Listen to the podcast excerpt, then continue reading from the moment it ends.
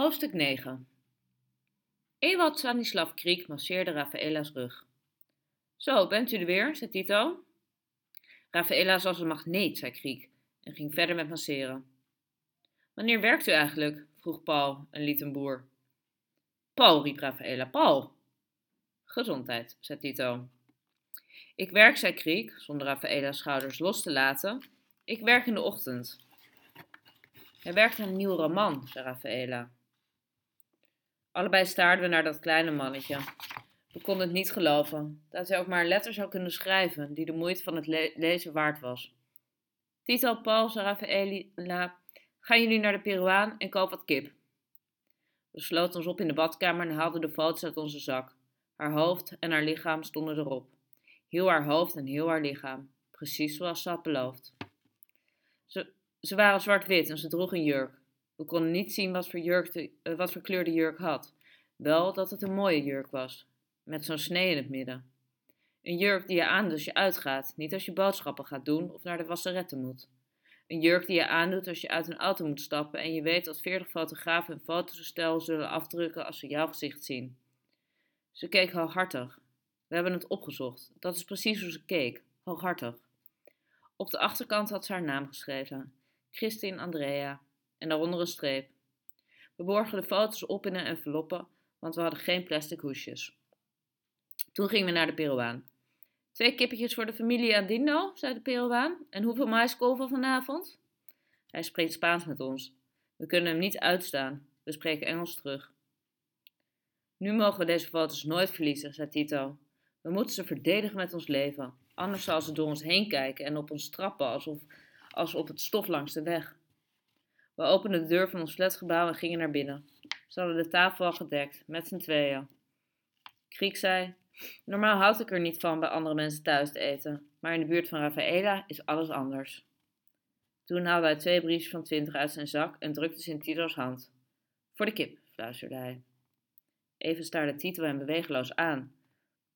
Het was precies 7,50 dollar, meneer Kriek, zei hij toen. En afgezien daarvan, niemand, niemand betaalt bij ons voor zijn eten.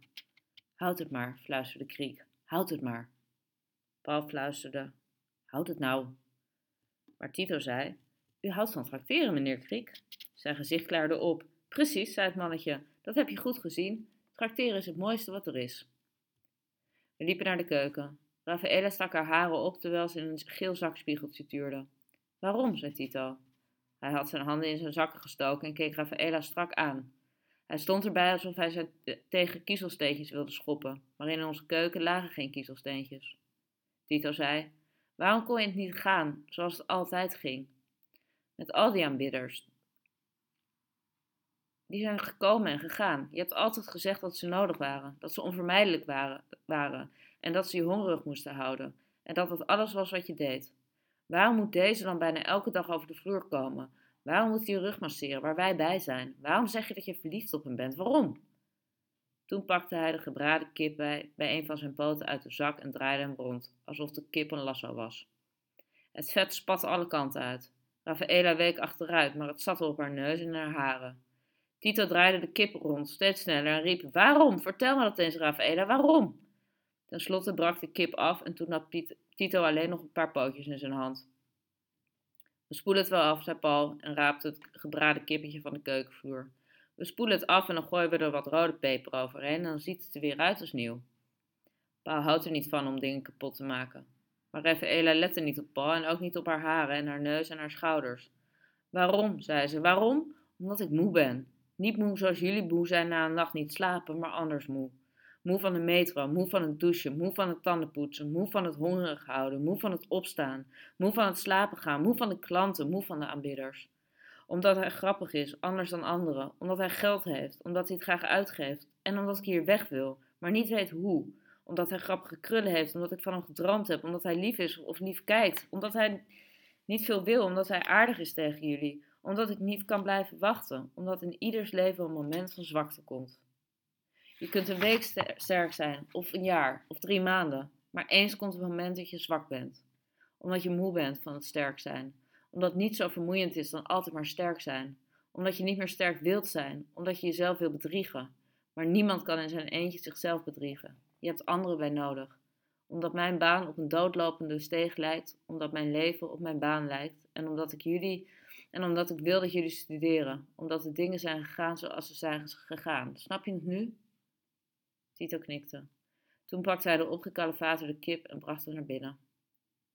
Ik heb in de keuken alvast een pootje geknabbeld, zei hij tegen Kriek. Ik had zo'n honger. Geef niet, zei Kriek. Hij rommelde in een plastic zak die onder de tafel stond.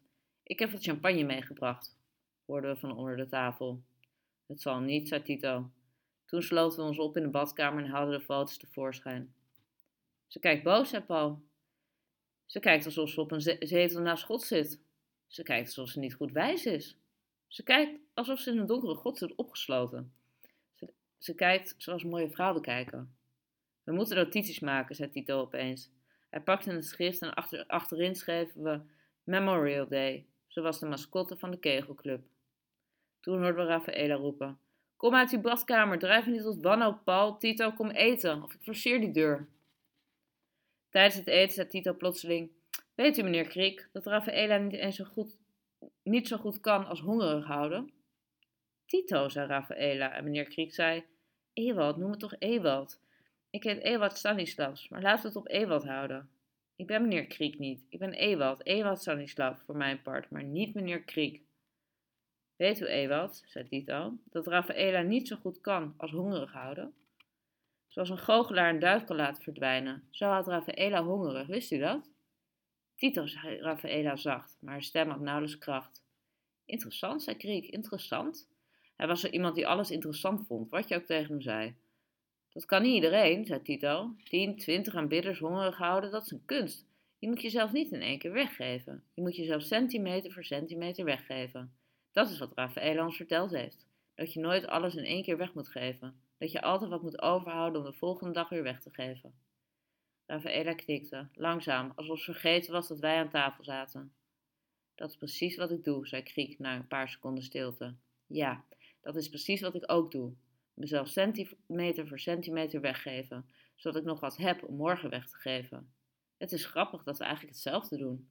Rafaela lachte en Kriek zei, zei op het jezelf weggeven. Ze stoten hun glazen tegen elkaar, maar wel centimeter voor centimeter, zei Rafaela. Ik heb er nooit over nagedacht, zei Kriek en hij lachte triomfantelijk. Maar dat hongerig houden, is dat niet precies wat ik ook doe?